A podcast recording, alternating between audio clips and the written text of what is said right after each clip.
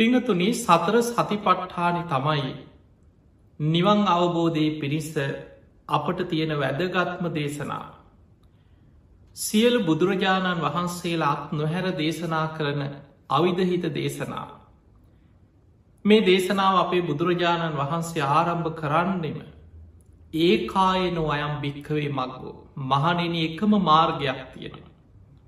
සත්තානං විසුද්ධිය. මේ කෙලෙස් වලින් අපිරිසිදු වෙලා ඉන්න සත්වයන්ගේ හිත කෙලෙසුන්ගේ පිරිසිදු කරගන්න. සෝක පවිද්ධවාන සමතික්කමාය සෝක වැලපීම් වලින් නිදහස්වෙන්න. දුක්ක දෝමනස්සානං අත්හංගමයි කායික මානසික දුක්දොම්නස් වලින් නිදහස්වෙන්. නිබ්බානස සච්චි කිරියාය නිවන සාක්ෂාත් කරගන්න. ඒකම මාර්ගයේ තමයි යදිදන් චත්තාරෝ සතිපට්ඨාන. මහනෙන මේ සතර සතිපට්ඨානය කියලා බුදුරජාණන් වහන්සේ එදා සතර සතිපට්ඨාන දේශනා කරේ. පිංහතුනී මේ දේශනාව අපි ගත්තොත් ඔබහල තියෙනවා පහාරාධ කියෙන සූත්‍රය අපේ බුදුරජාණන් වහන්සේ විස්තර කරන්නට යෙදුනා මේ සම්බුද්ධ ශාසනය තියෙන වටිනාම වස්තු.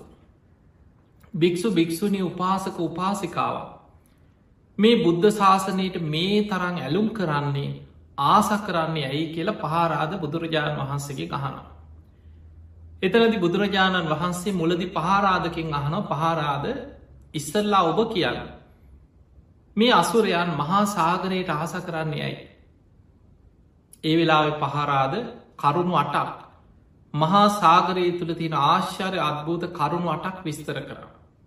අපේ බුදුරජාණන් වහන්සේ කරුණු අටම උපමාවට අරගෙන භික්‍ෂු භික්‍ෂූණී උපාසක උපාසිකාවන් මේ බුද්ධ ශාසනයට ඇලුම් කරන්නේ බුද්ධ ශාසනයට ආස කරන්නේ මෙන්න මේ කාරණාට නිසා මයි කියලා බොහෝම ලස්සන දේශනාවක් කර මේකට ගැන පහරාද සූත්‍රය. ඔය දේශනාව සඳහන් වෙනවා හත්වෙනි කාරණී හැටියට. බුදුරජාණන් වහන්සේ විස්තර කරනවා පහරාද අසුරයන් මහා සාගරයට ආසා කරන හේතුවක් හැටියට ඔබ පෙන්නවා මහ මුහුදේ තියෙනවා වටිනා වස්තුව මුත්තු මැනික් සක් සිලා වෙරලුමිනි ආදී ඉතා වටිනා මිල කල නොහැකි වස්තුව මහා සාගරය තියෙන. ඒව දකිනවා දිවිය ලෝක ඉන්න දිවි අසුරයන්. ඔවුන් මේ මහා සාගරයේ සාගර පතුල තියෙන වටිනා වස්තුව දැකළ. මහා මුහුදට ඇලුම් කරනු ආස කරනවා. මහා සාගරයේ සිත්තලවා වාසය කරනවා. බුදුරජාණන් වහන්සේ වදල පහරාද මගේ බුද්ධ ශාසනයත් ඔය වගේම තමයි. මේ භික්‍ෂු භික්‍ෂුණී උපාසක උපාසිකාව බුද්ධ ශාසනයට ආස කරන්න ඇලුම් කරන්නේ මගේ බුද්ධ ශාසනයත් සම්පත් සාගරයක් කියව. වටිනා මානික්‍ය මිල කළ නොහැකි වටිනාම මානික්‍ය තිස් හතක් තියනො මේ ශාසනය තුළ. ඒවා දැකලා ඒවා අදුනගෙන ඒව ගැන වටිනාකම වටහා ගත්ත පිරිස තමයි බුද්ධ ශාසනයට ඇලුම් කරන්න ආස කරන්න. මොනවද මේ බුද්ධ ශාසනය තියනේ වටිනාම මානික්‍ය රත්න තිස් හතර. පලවෙනිම මානික්‍ය රත්න හතර තමයි සතර සති පට්ඨාන. ඊළඟට සතර සම්යක් ප්‍රධාන වීරිය සතර ඉරදිපාද පංච ඉන්ද්‍රිය පංච බල සප්ත බොජ්ජංග ආර්යෂ්ඨායික මාර්ගය මේවට අපි ධර්මය කෙනො සත්තිස් බෝධි පාක්ෂික ධර්ම.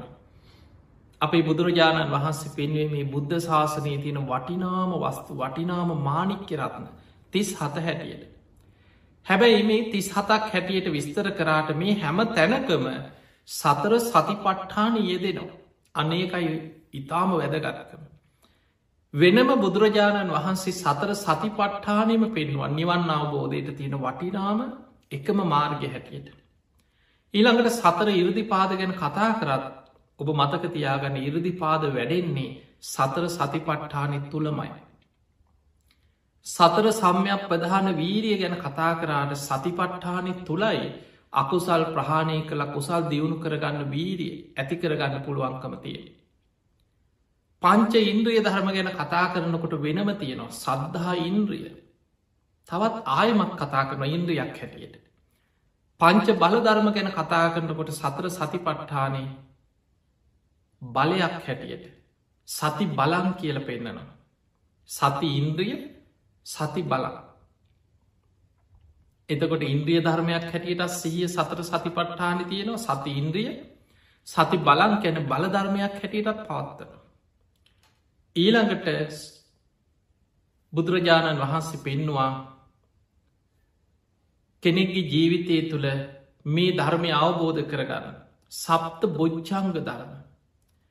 ඒ බොච්චංග ධර්ම පටන් ගන්නෙම සති සම්බෝච්චන්ගේ එතකොට බලන්න එතනත් සිහි සතර සති පට්ටාන හිත පිහිටවල ඇති කරගන්න සිහිය සති සම්බෝච්චා. එතකොට දම්ම විජය කියන්නේ ඒ සතර සතිපට්ඨානය තුළම තමයි නුවනින් වීම සමය දම්මාන පස්සනාවයි එතන තියෙන. එතකොට මේ හැම තැනකම ආර්යෂ්ඨායක මාර්ගය ගන්න එතනත් තියෙනවා සම්මා සති. එදකොට අපි වෙන වෙනම කතා කර සතර සතිපට්ඨානයෙන් තොරව නිවන් මාර්ගයක් ගැන මේ බුද්ධ ශාසනය කතා කරන්න පුළුවන්කමක් නෑ. එනිසා පිංහතුනි මේ ශාසනය තියෙන වටිනාම වස්තුව වටිනාම මානික්‍ය බුදුරජාණන් වහන්සේ පෙන මේ ශාසනයේ භික්‍ෂු භික්‍ෂුණී උපාසක උපාසිකාව මේ ශාසනයට පහදින්නේ බුද්ධ ශාසනයට ඇලුම් කරන්න මේ තරන් සිත්තලවාගෙන වාසය කරන්නේ මේ බුද්ධ ශාසනයේ වටිනාම මානික්‍යයක් හැටියට සතර සතිපට්ඨාන වටිනාකම හඳුනගත්ත නිසා කිය. එනිසා පිංහතුනේ ජීවිතයේ ඔබ සතර සතිපට්ඨානය තමන්ගේ ජීවිතය කරගන්න උත්සහ කරන්න. දවස ගානි සතිපට්ඨාන භාවනාවකේ දෙන්න වෙලාවක් තියෙනවන ටික වෙලාවක් හරි සතර සතිපට්ඨානය පුරුදු කරන්න. ඔබ මේ සතර සතිපට්ඨාන දේශන පෙළ මුල ඉඳං ඇහුවන. වෙලාවක් නෑ වෙලාවක් නෑ කියලා අපිට මගහරින්නත් බෑ. ධර්මය දන්න කෙනාට හැම මොහොතක්ම සතර සතිපට්ඨානය තුළ ගත කරන්න පුළුවන් මොහොතක් වෙනවා. බුදුරජාණන් වහන්සේ ඉරියාපත සම්පජන්ය කියෙන භාවනාවලල කායානු පස්සනා කොටස අපි කතා කර. බුදුරජාණන් වහන්සේ පෙන්නවා වටපිට බැලුවත්. අත පයි දිගහරින්න හකුලන වෙලාවට වනත්. ඉඳගෙන හිටියත් හිටගෙන හිටියත් ඇවිදිනකොට වාඩි වෙලා ඉන්නකොට නිදාගන්නකොට කණබොන වෙලාවට යමක් කපල කනවා වතුර වගේ දෙයක් බොන මොනො හරි බීමක් බොනවා කෑම කනවා එක්ක ඇහැරලා ඉන්නවා නිදි මරණෝ ඔය හැම වෙලාවෙම. ඇඳුම් පැළඳුම් පරිහරණය කරනවා. ඔය හැම වෙලා අඩුගාන වැසගිලි කැසිගිලි කරද්දි පවා. උච්චාර පස්සාාවකම් මේ සම්පජානකාරී හෝති.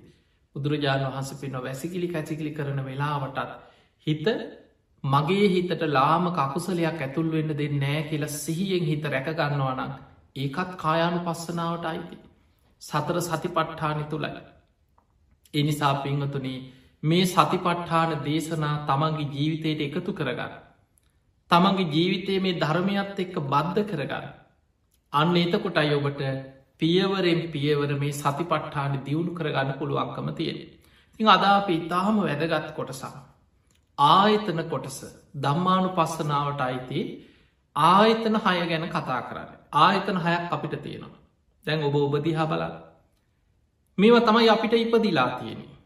බුදුරජාණන් වහන්සේ ඉපදීම විස්තර කරා ආයතනානම් පටිලාබෝ. ආයතනයන්ගේ පහළවීම ඉපදීමයි කියල ධර්මය පෙන්නවා. දැ මොනවද අපිට පහළ වෙලා තියෙන. ඔබ තුළිම බලන්න මොනවද ඔබ තුළ තියෙන. ඇස කන නාසය දිව ශරීරය මනස මේවතමයි අපිට පහළ වෙලාති මේවතමයි අපි තුළ ඉපදිලාතිය. එතකොට මෙන්න මේ ආධ්‍යාත්මික ආයතන හය මුල් කරගෙන තමයි බුදුරජාණන් වහන්සේ පෙන්වා මේ ලෝකෙම අපි ලෝකයේ කියලා බාහිර මොනවා ගැන කතා කරත් ඔය මුළු ලෝකේම හරියට ගත්තොත් මේ බඹයක් පමණ මේ ශරීරයේ තුළින් දකින්න පුළුවන්. අපි ඇහැට පේන රූපෝස්සේ තමයි මේ ලෝකෙ ඔක්කෝම අපි තුළට ග්‍රහණය කරගන්න. කනට ඇහෙන සබ්ද ඔස්සේ නාසේට දැනෙන ගඳ සුවද ඔස්සේ. දිවට දැනෙන රස්සේ ඔස්සේ. කයට දැනෙන පහස ඔස්සේ. මනසට හිතෙන් නිර්මාණය කරගන්න මේ අරමුණු ඔස්සේ. ඒ තුළින් තමයි අපි ලෝකයක්ත් එක්ක ගඩ දෙනු කරන්නේ ගොඩ නැගෙන. ඒ තුළ තමයි මේ ජීවිතයේ සංසාර ගමන අපි සකස් කරන්න. අන්නේ නිසා ආයතන කොටස මේ ආයතන හය මතකතියාගන්න අපි පංචුපාදානස්කන්ද ගැන කතා කරලා තියෙන. පංච උපාදානස්කන්දි පහළ වෙන්නෙත් වෙන කොහෙවත් නෙමේ. ඇස තුළ කන තුළ නාසය දිවකය මනස මේ පංචුපාදානස් කන්දේමයි අවබෝධ කළ යුතු දුකක් හැටියට බුදුරජාණන් වහන්සේ පෙනෙන. එහෙම නම් පංචුපාදානස්කන්ද දුක අවබෝධ කළ යුතු නම් ඒ පංචුපාදානස්කන්දි පහළ වෙන්නේ ආයතන හයි තුළමයි. කෙනෙක් ආයතන වසයෙන් අවබෝධ කරත් අවබෝධ කරන්නේ පංචුපාදානස්කන්ද දුකමයි. එනිසා පින්වතුනේ සතර සති පට්ඨානය තුළ අපි එකින් එක තේරුම් ගමු කොහොමද බුදුරජාණන් වහන්සේ මේ සතර සති පට්ඨානය අපිට ආයතන වසයෙන් දකින්න පෙන්නල දෙන්න. අපි සතිපට්ඨාන දේශනාවට අනුපූලෝම ඒ ගැන හොඳට තේරුම් ගන්න උත්සාහයක් අප. ඔන්න බුදුරජාණන් වහන්සේ පෙන්න්න පුනච පරම් භික්කවේ බික්කු දම්මේසු දම්මානු පස්සේ විහති ඔන්න භික්ෂුවක් කොහොමද ධර්මය තුළ දම්මානු පස්සනාවෙන් වාසය කරන්න. මේ සතර සතිපට්ඨානි දම්මානු පස්සනා කොටස වඩන්නේ කොහොම. චසු අජ්‍යත්තික බාහිරේසු ආයතනයසු මේ ආධ්‍යාත්මික බාහිර ආයතන තුළ තන ආධ්‍යාත්මික ආයතනත් බාහිර ආයතනත් හැටියට කොටස් දෙහිකට බෙදලා පෙන්න්නනවා. කතංච භික්කවේ බික්කු දම්මේසු දම්මානු පස්සී විහරති. කොහොමද භික්ෂුවක් දම්මානු පස්සනාවෙන් වාසය කරන්න. අජ්ජත්තික බාහිර ආයතනයසු ඉද භික්කවේ බික්කු චක්කුංච පජානාත. ඔන්න මේ තමයි ඇස කියලා. ඇස ගැන හොඳට අවබෝධින් තේරුම් ගන්න. ඇස ගැන හොඳින් දැනගන්න දැකගන්න ධර්මී තුළින් දැකගන්න චක්කු. චක්කු කියන ඇස. ඊළඟට රූපේච පජානාත් ඇසට පේන රූප ගැන හොඳට ධර්මය තුළින් මේ ඇසට පේන රූපවල යථාස භාවි තේරුම් ගන්න. එතකොට ඇසත් රූපයත් ගැන තේරුම් ගත්තට පස්සේ යංච තදු බයන් පටිච්ච උපද්ජති සංයෝජන තංච පජානාති. ඒ කරුණු දෙක මුල් කරගෙන යම් සංයෝජනයක් බැදීමක් ඇති වෙනවනන් ඒකත් තේරුම් ගන්න. එතකොට ඇසයි රූපයයි මුල් කරගෙන යම් බැඳීමක් උපදින. මතකතියාගන්න ඇසත් රූපයක් එකතු වෙන්නේ. ඇස ගැන අවධාන යොමු එච්ච ගමන් ඇහැට පේන රූපය එකතු වෙන. ඒකතු කරන්න විඤ්ඥානය. ඇසයි රූපයයි විඤ්ඥානය එකතු විච්ච ගමන් ඒ සංයෝජනය ඇති වෙච්ච ගමන් එතනින් හටගන්න නොයි ස්පර්සය. අන්නේ සංයෝජනයත් එක්කම පංචුපාදානස්කන්දය දිගටම බැදීගෙන බැදීගෙන යන. ඒ ස්පර්ස නිසා විදීම් ඇති වෙනවා විදින රූපය හඳුනගන්නවා හඳුනගන්න රූපය ගැන චේතනා පහළ වෙනවා පංචුපාදානස්කන්දය මෙතන හටගන්න. එහෙනම් ඇසයි රූපයයි කෙන මේ කරුණු දෙකේ යම් එකතුවක් ඇත්ත අන්න එකතු වීමෙන්මයි ඒ සංයෝජනයෙන්මයි ඒ සියල් හටගන්න. එදකොට අන්නේ කරුණු දෙක එයා තේරුම් ගන්නවා. යථාච අනුපන්නස්ස සංයෝජනස්ස උපාදෝ හෝති. නෝපන සංයෝජනයක් උපදිනවාද. ඒකත් තේරුම් ගන්න තංච පජානාත ඒකත් හොඳින් තේරුම් ගන්න. යථාච උපන්නස්ස සංයෝජනස්ස පහිනම් පහනං හෝති. යම් හටගත්තාව සංයෝජනයක් ප්‍රහාණය වෙලා යනවද. තංච පජානාත ඒකත් තේරුම් ගන්න. යථාච පහිනස්ස සංයෝජනස් ආයතින් අනුපාදව හෝති තංච පජානාත. ආයමත් නෝපදින විදිහට ඒ සංයෝජනයන් සම්පූර්ණය මේක බැඳීම අවිද්‍යාව තෘෂ්ණාව සම්පූර්ණයෙන් යම ප්‍රහාණය කරලාද ඒකත් හොඳින් තේරුම් ගන්න. එදකොට ඔන්න ඔයි විදිහට දම්මානු පස්සනාව අපි කොටසෙන් කොටසේ තේරුම් ගම. පිඟතුනි ඒ පළවෙනි කොටසේ බුදුරජාණන් වහන්සේ පෙන්නුවේ ඇස හොඳින් තේරුම් ගන්න. මේ ඇහැ හටගත්තෙ කොහොමද නාමරූප පච්චයා සලායතන මතකතියාගන අපේ ඇස කණ නාසේ දිවකය මනස කියන ආයතන හයම හටගත්තේ නාමරූප නිසා. එදකොට නාමරූපයෙන් හටගත්ත ඇසක් මා තුළ පවතිනවා කියලා ඇසේ අතහාස භාවය හොඳට තේරුම් ගන්න.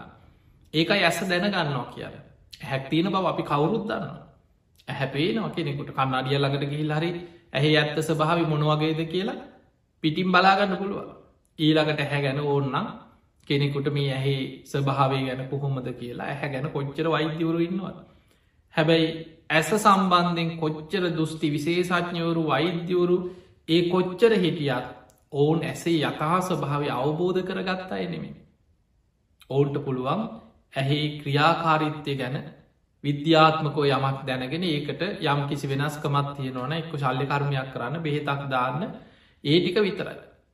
මේ ඇහැමුල් කරගෙන හටගත්ත පංචු පහදානස්කන්ද නැති කරගන්න ඔොන්ට පුළුවන්කමක් නෑ. අන්න ඒක තමයි මේ ධර්මයෙන් බුදුරජාණන් වහන්සේ පෙන්න්නන්න. මහනෙන ඇස තේරුම් ගන්න. ඇස තේරුම් ගන්නවා කියන ඇස හටගත්තේ නාමරූප නිසා. නාමරූපයක් තියෙන තැනක් තමයි සජීවී ඇසක් හැටියට ආයතනයක් බවට පත්තේ. එතන පටවි යාපෝ තේජෝ වායෝ කියන සතර මහාධාතුන්ගේ පැවැත්මක් ඇස තුළ තියෙන. ඊළඟට ඇහේ තියෙනවා වේදනා සංඥා චේතනා පස්ස මනසිකාර කෙන නාම ධර්මයන් ක්‍රියාත්මක වෙන. ඒ නාමරූප දෙකම පවතින් නැත්නම් එක සජීවී ඇසක් වෙන්න එක මස ඇස. දැන් අපි මැරිච්ච මනුස්සෙකි බලන්න. සමහරු මැරිලා. ඇහැරගෙන මැරිච්ච කෙනෙක් කියලා හිතන් දැන් ඇහැරගෙන නොම බලාගෙන ඉන්නවගේ පේෙන් ඔබ සමාරලාට එහෙම කෙනෙක් මැරිච්ච ගමන් හරි කෙනෙක් දිහා දැක්කොත් ඇහැරිච්ච කෙනෙක් ඇහැරිලා තියෙනවා හැබැයි ඒ ආයතනයක් නෙමෙයි ඒ ඇස් ආයතනයක් වෙන්න මොකද නාම ධර්මයන් නිරුද්ධ වෙලා එතන තියෙන්නේ මස ඇස විතරයි සතර මහා ධාතුන්ගෙන් හටගත්ත ඒ මස ඇස විතරයි නාම රූපයම්ම පවතිනවනම් අන්නේ කායතනයක් ඇස. අන්නේ ඇස හොඳට තේරුම් ගන්න. ඊළඟට බාහිර රූප ආධ්‍යාත්මික ආයතනයක් කියන්නේ තමන්ගේ ඇස. බාහිර ආයතන කියන්නේ ඇහැට ගෝචර වෙන රූපය එක බාහිර ආයතනයක්. මේ රූප හොඳට තේරුම් ගන්නවා. මගේ ඇහැට පේන මේ බාහිර ලෝකෙ තියෙන මේ සෑම දෙයක් මේවතමයි මං ඇහෙන් දකින.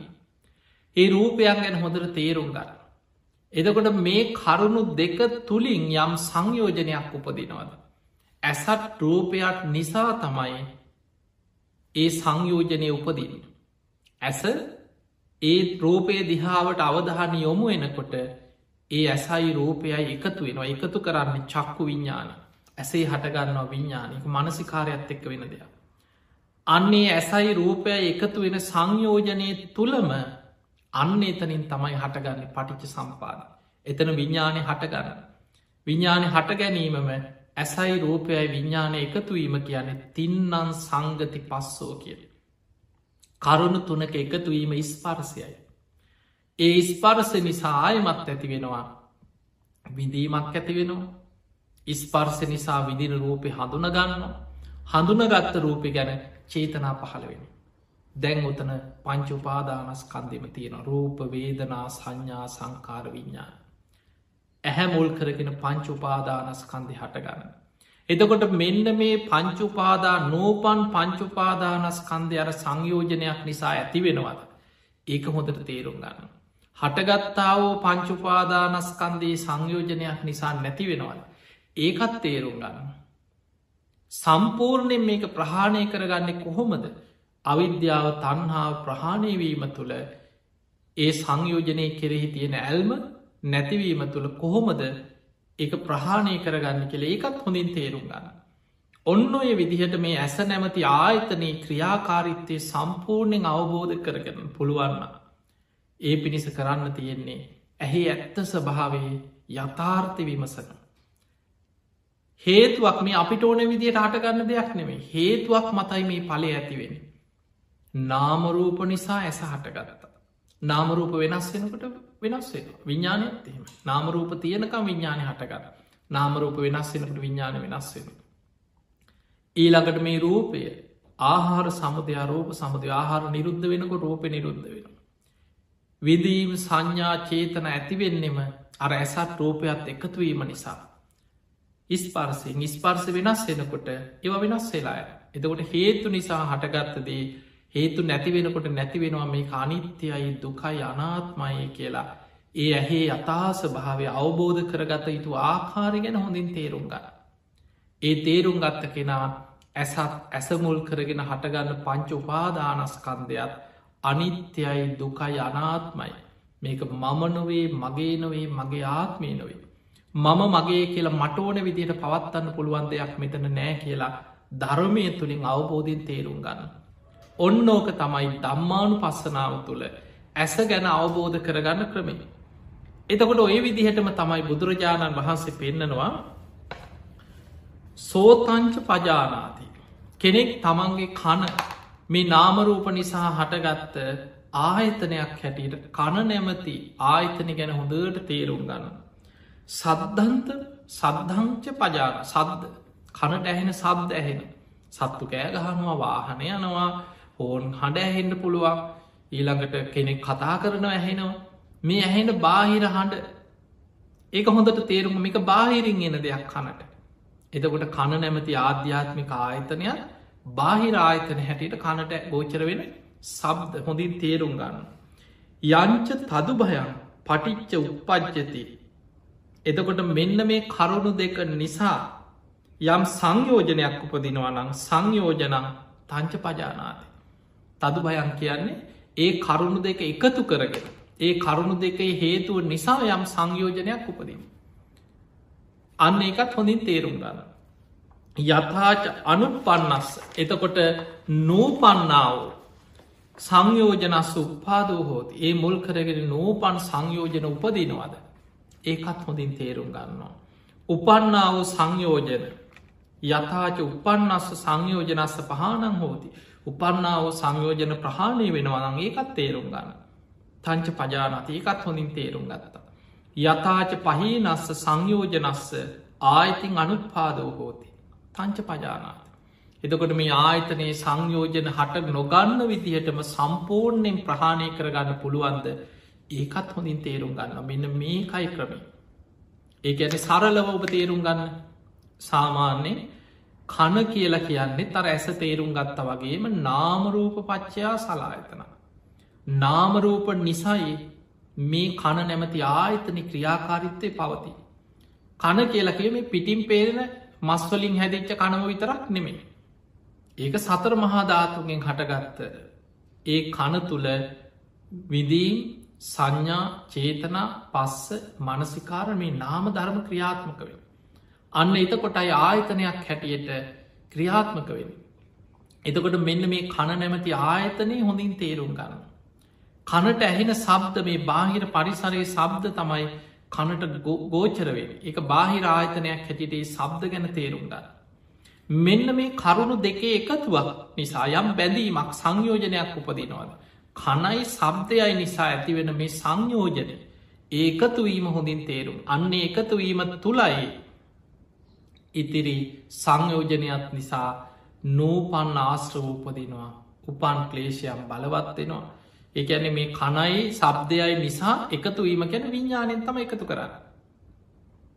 අන්න එකතුවීමත් එක්ක ඒ විස්පර්සයත් එක්ක විදීම් හඳුනා ගැන සබ්දය ගැන විදීම් ඇතිවෙනවා ඒ සබ්දය හඳුනගන්න ඒ සබ්දි ගැන චේතනා පහළ වෙනවා. පංච උපාදානස් කන්දිමේ තුළ හටගන්න.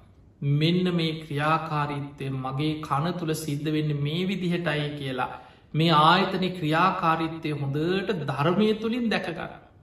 නෑ සාමාන්‍ය මේ ක්‍රියාකාරිත්තය අපි දන්න ඇත්නම්. කෙනෙක් තියෙන මේ මම දැක්කා මේ ඔක්කොම් මම මම මමයි දැක්කේ මටයි පෙනුනේ මම යහගෙන හිටියේ මට යැහුණේ මේ ඔක්කොම මම මම මට ඕන විදිහට කරන්න පුළුවන් මේක මගේ ආත්මයක් තුළ තමන්ගේ වසගේ තියෙන දෙයක් කියලා මමත්වයක් ආත්ම දෘෂ්ටියක් මේ සක්කාය දිට්ටියත් එක්ක බැදිච්ච දෘෂ්ටියකින් අපි දකින. එතකොට මෙතන බුදුරජාණන් වහන්සේ පෙන්න්න මේ ආයතනයන්ගේ ක්‍රියාකාරිත්තය මේ සිද්ධ වෙන ස්වභාවය අවබෝධයෙන් දකින්නයි. අන්න ඒ පිණිසයි අපි මේ ආයතන තුළ දම්මානු පස්සනාවේ කින්න එක හොඳින් තේරුම් ගන්නට තියෙන. ඊළඟට බුදුරජාණන් වහන්සේ පෙන්නවා ගානංච පජානාති. නාසේ ක්‍රියාකාරිත්තය හොඳට නාමරූප නිසා හටගත් ආයතනයක් හැටියට නාසේ ගැන තේරුම් ගන්න. ගන්දේච පජානාති. නාසේට දැනෙන ගන්ද ගඳක් වෙන්න පුළුවන් සුවදක් වෙන්න පුළුවන් මේ බාහිර ආයතනයක් හැටියට ඒ ගන්දය තේරුම් ගන්න. ඒවගේම යංච තදු බයම් පටිච්ච උපද්ජති සංයෝජන තංච පජානත. මෙන්න මේ නාසයත් ගඳ සුවදත් නිසා යම් සංයෝජනය මේ කරුණු දෙක නිසා යම් සංයෝජනයක් බැදීමක් උපදිනවාද. අන්න ඒක හොඳින් තේරුම් ගන්න තුරු නාසයයි ගඳ සුවදයි නිසා ඇතිවෙන්නේ එකතුවීම කියලා ඒ සංයෝජනය තමයි විඤ්ඥාණයෙන් ඇති කරන්න. නාසයයි ගද සුවදයි එකතු ගෙන්න්න විඤ්ඥානය ඇතික. ඒ කරුණු තුනේම එකතුවට කියෙන ස්පර්සය. ඒ ස්පර්සය නිසා තමයි විදීම් හඳුනා ගැනීම් චේතන ඇති වෙලා නාසේට දැනෙන දේ මුල් කරගෙන පංචුපාදානස්කන්දයක් ඇති වෙලා පටිච සම්පාදයක් හැදි හැදියන්න. එතකොට මෙන්න මේ කාරණය හොඳට තේරුම් ගන්නවා එයා ඒ තේරුම් ගත්ත විතරක් නෙමෙයි අනුපන්නස්ස සංයෝජන සුප්පාදෝති නූපන් සංයෝජනයක් කටගන්න ආකාරය නාසියත් ගඳ සුවදත් වෙනස් වවී මේ සංයෝජන හටගන්න ආකාරි තේරුම් ගන්න. ඊළඟට තංච පජානාති යථාච අනු උපන්නස්ස සංයෝජනස් පහනං හෝති හටගත්තා වූ සංයෝජනයක් ප්‍රහාණය වෙනවාද. තංච පජානති ඒකත් තේරුම් ගන්න. යථාච පහිනස සංයෝජනස් සායිතින් අනුපාදවහොති. ආයමත් නෝපදින විදිහට ඒ සංයෝජනය ප්‍රහණය වෙලා යනවන ඒක් තේරුම් ගන්න තංච පජානාත. එතකොට මේ විදිහට දැම් බලන් මේ ඔක්කොම එකම රටාවකට යන. ඇස්ස කණ නාසය එතකට නාසේ ගැනත් ඔප තේරුම් ගන්න නාසේ කියන ආයතනයක්. නාමරූප ප්‍රත්තියෙන් හටගත් ආයතනය. ඒ නාමරූප ප්‍රත්තියෙන් හටගත් ආයතනයට බාහිර ආයතනයක් හැටියට අපි ගඳ සුවද හඳුන්නන. එතකොට මේ ආධ්‍යාත්මික ආයතනයක් හැටියට නාසයත් ගඳ සුවදත් එකතු කරන්නේ නාසේ ඇතිවෙන විඤ්ඥාන එකට කියෙන සෝත විඤ්ඥාන. අන්නේ එකතුවීම ඒ සංයෝජනය නිසාමකද වෙන්නේ. ඉස්පර්සය ඇති වෙලා විදීම් හඳුනා ගැනීම් චේතන ඇතිවෙන. පටිච සම්පාදය හටකන පංචුපාදානස්කන්ති පහළවෙන. ඒ තුළ තන්හාාව හටගත්ත ගමන් පටිච සම්පාද තන්නා පච්චයා උපා උපාදාන උපාදාන පච්චයා භව පවපච්චයා ජාති ජාතිපච්චයා ජරා මරණ මේ දිගට යන මතකතියාගන්න මේ ඔක්කොම එකට නිරවුල්ල තේරුම් ගන්න ආයතන හයත් එක්ක පටිච්ච සම්පාදයක් බැඳීගෙන යන්නේ තන්හා වටගත්තකම සලායතන නාමරූප පච්චයා සලායි නාමරූප නිසායි ආයතනය හටගත්ත සලාහිතන පච්චයා පස්සු මේ ආයතන හය නිසාම අන්න ස්පර්සය ඇති වෙන. ස්පර්සි තමයි අර ආධ්‍යාත්මික ආයතනය බාහිර ආයතන එකතු කිරීම. ඉස්පර්සය ඇති වෙන. ඒ ස්පර්සය නිසාමකද වෙන්න පස්ස පච්චයා වේදන විදීම උපදින. වේදනා පච්චා තනයි විදීම ගැන තන්නාව ඇතිවෙන. තන්හා පච්චා උපාදාන උපාදාන පච්චා බහු බවපච්චයා ජාති ජාතිපච්චයා ජරා මරණ සෝක පරිදේව දුක්ක දෝමනස් උපායාස් මේ පටිච්ච සම්පාදය හැදීගෙන හැදීගෙන යන. එනිසා මෙන්න මේ ක්‍රියාකාරිත්වය ආයතන හය තුළ සිද්ධ වෙන මේ ස්වභාවේ හොඳට තේරුම් අරගෙන. මේ ආයි ආධ්‍යාත්මික ආයතන බාහිර ආයතනයන්ගේ යථාස භාවේ ධර්මය තුළින් විමසන ඒ අනිත්‍ය දුක් කරාත්ම වසේ මමනවේ මගේ නවේ මගේ ආත්මය නවේ මේක මට ඕන විදියට පවත්වන්න පුළුවන් දෙයක් නෙවෙයි කියලා අවබෝධයෙන් දකින කෙනා තමයි ඒ තුළ තන්හාාව ප්‍රහාණය කරගන්න. ඔන්න ඊළඟට බුදුරජාණන් වහන්සේ පෙන්නනවා දිව ගැන. ජිව්හංච පජානත කෙනෙක් තමන්ගේ දිවේ ස්භාවේ මේක ආහිතනයක් හැටියට හොඳට තේරුම් ගන්න මොකක්ද මේ දිව කොහොමද මේ තුළින් පංචුපාදානස්කන්දය හටගන්න. රසංච පජානාත දිවට දැනෙන බාහිර ආයතනයක් හැටියට රස ගැන තේරුම් ගන්න. තංච තද්දු භයන් පටිච්ච උපපජ්ජති සංයෝජනං තංච පජානාති. මේ දිවයි රසයයි නිසා ඒ කරුණු දෙක මුල් කරගෙන යම් සංයෝජනයක් යම් බැදීමක් උපදිනවනම් තංච පජානාති ඒකත් හොඳින් තේරුම් ගන්න. යථාච අනුපන්නස්ස සංයෝජනස් උපාද හෝති. නූපන්නා වූ සංයෝජනයක් උපදිනවනම් තංච පජානාති ඒකත්තේ අහොඳින් තේරුම් ගන්න. යථාච උපන්නස්ස සංයෝජනස්ස පහනං හෝති. උපන්නා වූ සංයෝජන ප්‍රහාණය වෙලා යනවා. තංච පජානතිය ඒකත් හොඳින් තේරුම් ගන්න. යථාච පහිනස්ස සංයෝජන සාහිතින් අනුපාද වූති තංච පජානා. ඒ ප්‍රහාණය වෙච්ච සංයෝජනය ආයමත් නූපදින විදිහට ප්‍රහාණය වෙලා යනවනම් ඒකත් හොඳින් තේරුම් ගන්න. මේ ආයතන හය තුළ පංචුපාදානස්කන්දය හටගන්න ආකාරයයි හොඳින් මේ දකින්නේ. ආධ්‍යාත්මිකායතන බාහිර ආයතන එකතුවීම තුළ මේ සංයෝජනයක් එක්ක තමයි මේ සියල්ල ඇතිවෙන. ආධ්‍යාත්මික ආයතන හය ඇස කණනාසේ දිවකයි මනස. බාහිර ආයතන වෙන්නේ හැට ගෝචර වෙන රූප කණට ගෝචර වෙන සබ්ද නාසේට ගෝචර වෙන ගඳසුවද දිවට ගෝචර වෙන රස කායිට ගෝචර වෙන පහස මනසටේ අරම. එතකොට මෙන්න මේ ආධ්‍යාත්මික ආයතන බාහිර ආයතනත් එක්ක සංයෝජන වෙන්නේ එකතු වෙන්නේ විඤ්ඥානය. අන්නේ විඤ්ඥාන හට ගැනීමත් එක්කම දැන් හිතන්න දිවයි රස්සයයි එකතු කරන්නේ චක්කු මේ ජිවහා විඤ්ඥාන දිවේ හටගන්න විඤ්ඥාන ඒ විඤ්ඥාන එකතුවීමම ඒකට අපි කෙනවා ඉස්පර්සි තින්නන් සංගති පස්සු කරුණු තුනක එකතුවීම ඉස්පරස ඒ ස්පර්සය නිසා දිව තුළ විඳීමක් ඇතිවා රසේ විදිනවා තිත්ත රසයක්ද මේක තුළ සැපදුක් උපේක්ෂා විඳීන් ඇතිේ ඒ විදින රසේම හඳුන ගන්න වෙන දෙයක්න විදින රසේම හඳුන ගන්න තිත්තයි ඇම්බුල් රහයි පැණි රහයි අපි රස හඳුන ගන්න ඒ හඳුන ගන්න රසේ මුල් කරගෙන චේතනාවක් පහළව ඒක තමයි කර්මයක් වේ චේතනාහම් භික්කවේ කම්මං වදාන්න එතකොට ඒ තුළ බලන්න රූප ධර්ම තියෙනවා. නාම ධර්ම තියෙනවා ඊළඟට රූප වේදනා සංඥා සංකාර විඤ්ඥාන මේ ඔක්කොම පංචුපාදානස්කන්දය මහටගන්න ඒ පංචුපාදානස් කන්දය ගැනම තන්හා ඇති වෙනකොට අවිද්‍යාව නිසා පටිච්ච සම්පාධය හැදීගෙන යන. එදකොට මෙන්න මේ ක්‍රියාකාරිත්වය අපේ ආයතනහය මුල් කරගෙන සිද්ධ වෙනවා කියලා ගැඹුරින් දකින්න පුළුවන්නම් අන්නයා ආයතනවල යථාස භාවය අවබෝධ කරගත්ත කෙනෙ. පිංහතුරි මතකතියාගන්න මේ කොටස් ඔබට අර සාමාන්‍ය ජාත කතාහනව වගේ එක්කෝ බුදුගුණ දේශනාවක් අහනවා වගේ පේතවත්තු විමානවත්වල කතාහනවා වගේ ගොඩක් අය කැමතිමේ කතන්ද රහන්. ඒ කතාවල තියෙන කතා රසය විඳින්.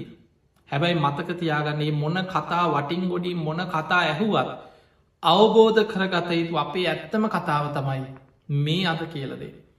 ඒ නිසා මේ කතාව අපි කැන කතාව අවබෝධ කරගන්න බැරි වුණොත් ඔය මොන වටින් ගොඩින් කතා මොනව ඇහුවත් අපි තාමත් අර එක තැන කැරකි කැරකින්න පිරිසක් බවට පත්වෙන. ඒ නිසා පිංහතුනේ අමාරුවෙන් වුනත් මේ යථස් මේ කතා කරන්න ඔබ ගැන මේ බාහිර ලෝක දෙයක් නෙමේ. මේ ධර්මය ඕපනයකයි තමා තුළින් දකින්නතිය. තමාට පමුණවාගෙට බලන්නතිය. තමාගේ ඇස කණ නාසේ දිවකයි මනස මේ අපේ ඇස කණ නාසේ දිවකයි මනස ක්‍රියාත්මක වෙන හැටි අද කතා කර. ඒ නිසා මේ ගැඹුරු ධර්මය තමා තුළින් තේරුම් ගන්න අවබෝධ කරගන්න ඔබ දක්ෂ කෙනෙක් බවට පත්තේ. ඊළඟට අපි බලමු කාය ආයතන මේ කය ගැන බුදුරජාණන් වහන්සේ පෙන්නනවා කායංච පජානාත මේ කය හොදට තේරුම් ගන්න කිය.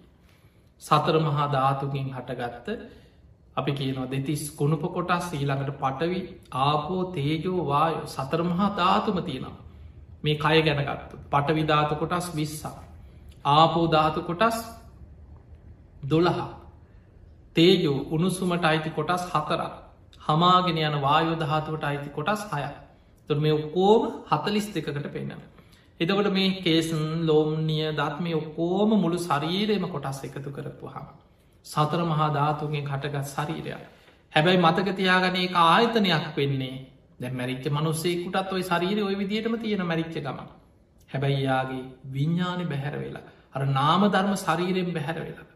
නාම රූපම තියෙනවනන් තමයි ඒ ආයතනයක් වෙන්නේ. එහමනම් අපේ කය ආයතනයක් වෙන්නේ නාම රූපම පවතින තාක් කල. එතකොට කෙනෙක් මේ කය කායංච පජානාති කය නැමති ආයතන හොඳින් තේරුම් ගන්න. පොට්ටබ්බංච පජානාති කයට දැනෙන පහස පොට්ටබකෙන් පහස අපිට සීතලක් උණුසුමක් ප්‍රශ්නයක් අපිට අපිය කවුරුහරි සූරනවා අතගානවා අපිට ගොරෝසු සිනිදු පහසත් දැනෙනවා. ඒ දැනෙන පහස තමයි කයට දැනෙන බාහිර ආයතන බාහිර බාහිරින් දැනෙන දේ. ආධ්‍යාත්මික ආයතන හැටියට කයත් බාහිර ආයතන හැටියට පහසත් තේරුම් ගන්න. ඊළඟට යංච තදු භයම් පටිච්ච උපද්ජති සංයෝජනම් තංච පජානාත් මෙන්න මේ කරුණු දෙක නිසා කයත් පහසත් නිසා යම් සංයෝජනයක් හටගන්නවාද අන්න ඒක හොඳින් තේරුම් ගන්න. කයයි පහසයි එකතු කරන්නේ කාය විඤ්ඥානය මේ කයේ හටගන්න විඤ්ඥාන ඒ විඤ්ඥානය හටගත්ත ගමන් කයයි පහසයි විඤ්ඥානය එකතුවෙන එකතු වෙච්ච ගමම්ම ඒ පහස තුළ තමන් කැමති පහසක් නම් සැපවිඳීමක් උපදින. අකමැති අප්‍රිය ගොරෝසු කවරුවරි ගහනවා සූරනවා අනිනවා උලකින් යන්න කළ හිතන්න තරහ යනවා අකමැති පහසක්. ඊළඟට අපි අඳුන ගන්න ඒ විදීම වගේම සංඥා හඳුනා ගැන. කෞද මේ ගැහ්වද සීරුවද උලකින් ඇන්නද මේ හඳුන ගන්න පහස රස්නයේ සීතලයි රිදෙනවා හඳුන ගන්න. ඒ හඳුන ගත්ත දී ගැන චේතනා පහළවෙන. අන්න කයයි පහසයි එකතුවීම තුළම පංචුපාදානස්කන්දෙම හටගන්න එක හේතුවක්. ඒ සංයෝජනයෙන් මයි උපදින්නේ. අනික් සියල් එතකොට මෙන්න මේක හොඳින් තේරුම් ගන්නවා. බුදුරජාණන් වහන්සේ පෙන්වා යථාච අනුපන්නස් සංයෝජන සුප්පාද නූපන් සංයෝජනයක් උපදිනවා ඒක හොඳට තේරුම් ගන්න. තංච පජානත් යථාච උපන්නස්ස සංයෝජනස්ස පහනං හටගත්තාව සංයෝජන ප්‍රහන් නාමරූප වෙනස් වෙනකොට විඤ්ඥාන වෙනස් වෙන විඤ්ඥාන වෙනස් වෙච්ච ගම අර පංචුපාදානස්කන්ද මේ වෙලා වෙනස් වෙන. එතකොට මෙන්න මේ හටගත්තදේ නැති වෙනවා දේකත් තේරුම් ගන්න. තංච පජානති යථාච පහින් අස්ස සංයෝජන සාහිතින් අනුපාද හෝති තංච පජානාති ආයමත් හට නොගන්න විදිහට ප්‍රහාණී වෙලා යනවදේ සංයෝජනය ඒකත් තේරුම් ගන්න. එතකොට මේ විදියට කය මුල් කරගෙන පංචුපාදානස්කන්දෙ හටගන්න ආකාරය කයයි පහසයි නිසා මේ ආධ්‍යාත්මික ආයතනයක් බාහිර ආයතනයක් එකතුවීම නම් වූ මේ සංයෝජනයෙන් හටගන්න මේ පංචුපාදානස්කන්දයක් ඒ තුළ හටගන්න පටිච්ච සම්පාදයක් හොඳින් දකින. ධර්ම ඉස්සරලා මේක වටහා ගන්න ඕනේ. ඊට පස්සේ ඊට අනුව විමසල බලනවා තමන් තුළි. ඒම තමයි මේ ධර්මය අවබෝධ වෙන. මතක තියාගන්න මේ ධර්මය අවබෝධ කරන්න තියෙන ක්‍රමේ සුතා හොඳට අහන්න ඕන එකයි මේ බණහන එක වැදගත් කර. දැම් මේ අපි ඇහුවේ නැත්නම් කොහොමද තේරුම් ගන්න මේ ක්‍රමේ මෙන්න මේ විදිහටයි බලන්න කියලා අපි අහලා නැත්නම් අපිට කවද්දාවත් මේක තේරුම් ගන්න බෑ. තනියෙන් තේරුම් ගන්න පුළුව එකම එක්කෙනයි මේ ලෝකෙ ලෝතුරා බුදුරජාණන් වහන්සේලට විතරයි. හැබැයි උන්වහන්සේටත් ඒක තනියෙන් තේරෙන්නේ පුංචි උත්සාහයක්ද. සාරා සංකය කල්ප ලක්ෂයක් දස පාරමී පුරල. මනසෙන් බුදු බව ප්‍රාර්ථනා කරමින් මනෝප්‍ර නිධානය පිරුවා සඩ අසංකය කල්ප ලක්ෂයක් අපේ බෝසතාණන් වහන්සේ. ඊළඟට වාක්ප්‍ර නිධානය වචනයෙන් බුදු බව ප්‍රාර්ථනා කර කර වාක්ප්‍ර නිධානය පිරුවා නවා සංකය කල්ප ලක්ෂයක්. ඊට පස්සේ තමයි දීපංකර පාදමූලේ සුමේද තාපසයන් වහන්සේ හැටියට විවරණ ගත්තේ. එතන ඉදං සාරා සංකය කල්ප ලක්ෂයක් මේ ධර්මය අවබෝධ කරගන්නමයි ඒ කැපකිරීම් කරන්න. දාන සීල නයිස්ක්‍රම්ය ප්‍රඥා වීරිය කන්ති සච්ච අධිට්ඨාන මෛත්‍රී උපෙක්හා මේ දස පාරමී ධර්ම පාරමී හැටියට උපපාරමී හැටියට පරමත්ත පාරමී හැටියට සම්පූර්ණ කරලා බුදුවෙන ආත්මෙත් අපිට හිතාගන්නවත් බැරි. අවුරුදු හයකට ආසන්න කාලයක් සරිගිරයට අනේක විද දුක්පීඩා දෙමින් දුස්කරක්‍රියා කරලා මේ උතුම් ධර්මය අවබෝධ කරගත්ත. බෝධි මූලේදි ගුරූපදේශ රහිතම මේ ධර්මය උන්වහන්සේට ප්‍රඥාවට පහළ වනේ දහම් මැස පහළ වනේ බුදුරජාණන් වහන්සේම දේශනා කරා ප්‍රථම දේශනාවදි. උන්වහන්සේට බෝධි මූලේදී කවදාවත් නොවැසූ විරූ ධර්මයක් පුබ්බේ අනුනුස්සුතේසු ධම්මේසු කවදාවත් අහල තිබ දෙයක් නෙමේ. චක්කුම් උදපාදි. ඥානං උදපාදි. පඤ්ඥා උදපාදි. විද්‍යා උදපාදි. ආලෝක උදපාදි. බෝධිමූලේදී ප්‍රඥාව පහළ වුණා. දහම් මැස පහළ වුණා. ආලෝකයේ පහළ වුණා. ඥානය පහළ වුණා කියලා උන්වහන්සේට. එතකොට ගුරූපදේශ රහිතෝ මේ ධර්මය අවබෝධ වෙනවනම් බුදු කෙනෙකුට. අපට අවබෝධ කරගන්න තියෙන අපි මේ කහන්න ඕන. බුදුහාමුදුරතම අපේ ගුරුවරය. අපේ කල්්‍යයාන මිත්‍රයන් වහන්සේ ලෝක පහළ වෙච්ච ශේෂ්ඨතම කල්්‍යයාන මිත්‍රය. ඒ කල්්‍යයාන මිත්‍රයගෙන් තමයි අපිට උතුම් සද්ධරමය ලැබෙන ඒ සද්ධර්මස්ත්‍රවනි දැන් අපි කිව්වත් මේ කියන්නේ බුදුහාමුදුරන්ගේ ධර්මය. අපේ එකක්නේ අපි දන්න එකක් නෙමේ එතකොට ඒ බුදුරජාණන් වහන්සේගේ ධර්මය ඔබට කල්්‍යයාන මිත්‍රයගෙන් ඇහෙනවා. ඒ ඇහෙනකොට අහන ධර්මය සුතා හොදට බණහන්නට මේක නිරවුල්ල තේරුම් ගන්න. මේ කියන්නේ මම ගැන මගේ ඇස කණනාසේ දිවකය මනස ගැන. මේ ආයතන හයිතුළ හටගන්න පංචුපාදානස්කන්ද ගැන. මේ මං ගැනයි කතා කරන්න කියලම ධර්මය තියෙන මේ බුදුහාන්දුරු පෙන්නනදේ සුතා හොදට අහන. දතා නිරවුල්ල ධාරණය කරගන්න. වචසා පරිචිතා නිතර වචනයෙන් පවා පුරුදු කරන අමතක වෙන්න දෙන්නයි. නිතර කටපාඩන් කරගෙන හරි වචනයෙන් සජ්්‍යායනා කර කර පුරුදු කර. ඒ පුරුදු කරගත්තදේ මනසානු පෙක්හිතා. නුවනින් විමසනවා යෝනිසෝ මනසිකාරය දෙන අන්න එතනදි තමන්ට ගලපල බලන. ඇත්තටම මගේ හැත්තුයි විදිහෙම නේද. මගේ කණ නාසේ දිවකයි මනසත් ඔය සුරූපයම නේද තියද. මගේ ආයතන හයටත් ඔයි රූප සබ්ද ගන්ධ ඕව පහළවෙන් ඔය විදිහටම නේද. මා තුළ විඤ්ඥානි හටගන්නේ තොය විදිහටම නේද. එහනම් මා තුළත් පංචුපාදානස්කන්ද පටිචි සම්පාදය හැදෙන් ඔය විදිහටමයි. අන්න අහපු ධර්මය තමා තුළින් ඕපනයිකෝ යෝනිසෝ මනසිකාරයෙන් තමා තුළින් වටහාගන්න. අන්න එතකොට තමන්ගේ අවබෝධයක් බවට පත්වෙන දිට්ටියා සුප්පටි විද්ද. ඔන්න ඕකයි මේ ධර්මය අවබෝධ කරගන්න ක්‍රමවේ. ඒ නිසා මතකතියාගන්න නිරවුල්ල බණහන්. මේ දේශනාව නැවත නැවත හරි අහන්. එතකොට පළවෙනි පාර තේරෙන් නැතිවේ. අහගර ඉන්නකොට ටිකක් තේරුම් ගන්න අමාරුයි ගැඹුරුයි ගැඹුරුයි වගේ හිතේ ආයහන ආයහන අහනකොට අහනකොට නිරවුල්ල තේරෙන. ඊට පස්සේ යහපු දේ හොඳට විමසල බලන තවත් හොඳින් තේරෙන. තමා තුළින් ගලපල බලනො තවත් හොඳට තේරෙන. අන්න එහෙම පියවරෙන් පියවර ටික ටික ටික ටික මේ ධර්මය අවබෝධ කරගන්න ගැඹුරට ආයුතුයි. පිංහතුනි බුදුරජාණන් වහන්සේ දම්මානු පස්සනාය පෙන්න්නනවා ඊළඟට මනංච පජානාති. මනස ඒකත් ආයතනය කාද්‍යාත්මික. මේ මනස නැමති ආධ්‍යාත්මික ආයතනය හොඳට තේරුම් ගන්න. දම්මංච පජානාති මනසයි අරමුණුයි. බාහිරින් එන්නේ අර සිතයි සිතු විලි කියලා කියව. හිතට එන සිතු විලේ අරමුණු. ඒකත් තේරුම් ගන්න. ඊළඟට යංච තදු භයම් පටිච්ච උපද්ජති සංයෝජන තංච පජානාත. මෙන්න මේ මනසත් අරමුණුත් නිසා එහෙම නැත්නම් සිතත් සිතුවිලිත් නිසා යම් සංයෝජනයක් කටගන්නවාද. මෙන්න මේ කරුණු දෙක එකතුවීම නිසා යම් සංයෝජනයක් ඇති වෙනවාද තංච පජානාත. ඒක හොඳට තේරුම් ගන්න. යථාච අනු පන්නස්ස සංයෝජනස් උපාදෝ හෝති. නෝපන්නා වූ සංයෝජනයක් උපදිනවනම් තංච පජානති එකත් හොඳින් තේරුම් ගන්න. යථාච උපන්නස්ස සංයෝජනස්ස පහනං හෝද. උපන්නාව සංයෝජන ප්‍රහාණය වෙනවද ඒකත් තේරුම් ගන්න. ඊළඟට ආයමත් හට නොගන්න විදියට යථාච පහිනස්ස සංයෝජන සායතින් අනුත්පාදවහෝද. ආයමත් හට නොගන්න විදියට සම්පූර්ණයෙන් ප්‍රහාණය වෙනවාද. ඒකත් හොඳින් තේරුම් ගන්න. මතක තියාගන්න සිතයි සිතුවිලි එකතුගෙන එක සංයෝජනය වෙන්නේ මනෝ විඤ්ඥාන හිතේ හටගන්න විඤ්ඥාන. ඒ විඤ්ඥානය හට ගැනීමත් එක්කම ඒකතුවීමත් එක්කම ඒ තමයි මනස ඉස්පර්සය. ඒ තුළින් විදීම් අරමුණු හඳුනා ගැනීම හඳුනගත් අරමුණට අනුවචේතනා පහළවීම සිද්ධවේ. ඒ මුල් කරගෙනම පටිච්ච සම්පාදයක් හැදෙන එතන පංචුපාදානස්කන්දයේ පහළවෙන.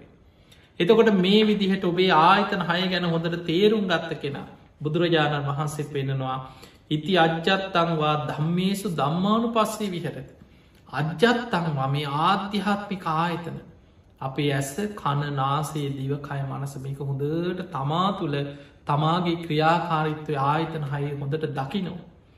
බහිද්ධවා ධම්මේසු දම්මානු පස්සි විර මේ බාහිරාය තුළත් ඔය විදිහෙම තමයි ඒ අයගෙත් ඇස කණනාසී දිවකය මනස තුළ මේ සංයෝජන හටගන්න මේ විදිහටමයි කියලා බාහිර අයතුළිනුත් විමසල බලන.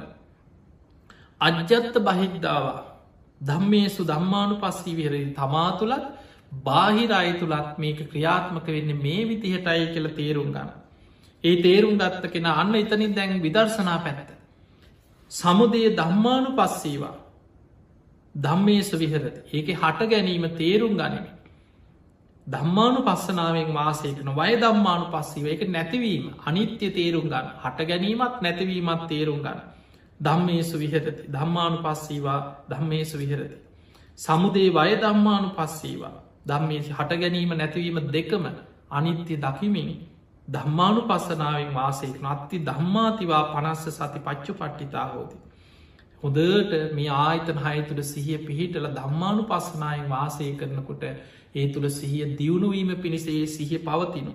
යාවදීව ඥානමත්ත අපේ ප්‍රඥාව පහළ වෙන ඥානයේ දියුණු වෙන. පතිස්සති මත්තායි සිහිනුවන වැඩෙනවා. අනිස්සිතෝච විහරති නචකින්චි ලෝකෙ උපාදියති. වෙන කිසිම තැනක ඇලීමක් බැඳීමක් ඇති නොවෙන විදිහට මේ ආයතන හයි සංයෝජනයන්ගේ මිදිලහිත ගැලවිලා යන විදිහට අවබෝධයට හිත පත්වෙනවා. ඒවම් පිකෝ භික්කවේ බික්කු දම්මේසු දම්මානු පස්සේ විහරති. මෙන්න මේ විදිහටයි භික්ෂුව දම්මානු පස්සනාවෙන් වාසය කරන්නේ කියල බුදුරජාණන් වහන්සේ මේ දේශනාව තුළ අපිට ඉතාම පැහැදිලිය පෙන්නල දෙන. තිය නිසා පිංහතුනි දම්මානු පස දම්මානු පස්සනාව කොටස් කීපයකින් යුක්තයි. සතර සතිපට්ඨානය දම්මානු පස්සනාවේ පංච නීවරණ කොටස අපි මේක කතා කරා කලින්. ඊළඟට පංච උපාදානස්කන්ද කොටස. ඒකත් අපි කතා කරා. අද අපි කතා කරේ ආයතන කොටස. එතන ආයතන කිය පහම් මේ ඇස කණ නාසේ දිවකයි මනසකින ආධ්‍යාත්මික ආයතනත් ඇසට ගෝචර වෙන රූප සබ්ද ගන්ධ රස පහ සාරමුණු කියන බාහිර ආයතනත්. එතකොට මෙන්න මේ ආධ්‍යාත්මික ආයතනත් බාහිර ආයතනත් එකතුවීම තුළ ඒ සංයෝජනය තුළ හටගන්න අනෙක් සියලූම පංචුපාදානස්කන්දය හටගන්න ආකාරි නැතිවෙන ආකාරය එක සම්පූර්ණයෙන් ප්‍රහාණය කරගන්න ආකාරය මේ ආයතන හයේ යථාස භාවයයි අපි අවබෝධ කරගන්නට ඕන්. පිංහතුනි මේ ධර්මය හොඳට විමසන්න. විමසගෙන යනකොට තමාතුලින් මෙනෙහි කරනකොට ඔබට ධර්මය ගැන ප්‍රශ්න ඇති වෙන්නේ. ඊට පස්සේ ඔබට තියෙන්නේ කරන්න දෙයක්. දැනගත්ත කෙනාට ඊළඟට තියෙන්නේ අවබෝධ කරගන්න මාර්ගය වඩන්න අයිති කළ යුතු දෙයක් තිය. ඉස්සල්ලා දකිනවා. ඒකන චතුරාරි සත්‍ය බුදුරජාණන් වහන්සේ පෙන්න්න ඉස්සල්ලාම එක සත්‍යයක් කියලා හොඳට විමසල අවබෝධයෙන් දකිනවා. ඊළඟට එයාට කළ යුතු කෘත්‍යයක් තියෙන අවබෝධ කළ යුතුයි. ඒ අවබෝධ කළ යුතු කෘත්තිය වඩල අවසන් වෙනකොට තමයි මං කළ යුතු දේ කරලා අවසන් කලා කෙන පෘතක්ඥාන කෙනෙකුට පහළව. ඒ පිණිස මේ ධර්මය මුලින් හොඳට තේරුම් ගන්න සද්ධාවෙන් පණහන් ධර්මයට ගරු කරන්න ධර්මයට ආස කරන්න ඒ සියල් එක්ක මේ ගහම්බීර ධර්මය තමා තුළ පිහිටන්න පටන්ගන්න. පිංහතුනි මේ ධර්මය පිහිටනකොට පින වැඩෙනකොට ප්‍රඥා ඉන්ද්‍රිය බලවත් වෙනකොට මේ ගැඹුරුයි ගැඹුරුයි කියන ගාම්බීර ධර්මය එක ගාථාවෙනු තවබෝධ වෙන්න පුළුවන්. ඒ පිණිසයි අපි මේ සසර පුරා ධර්මය දියුණු කරන්න.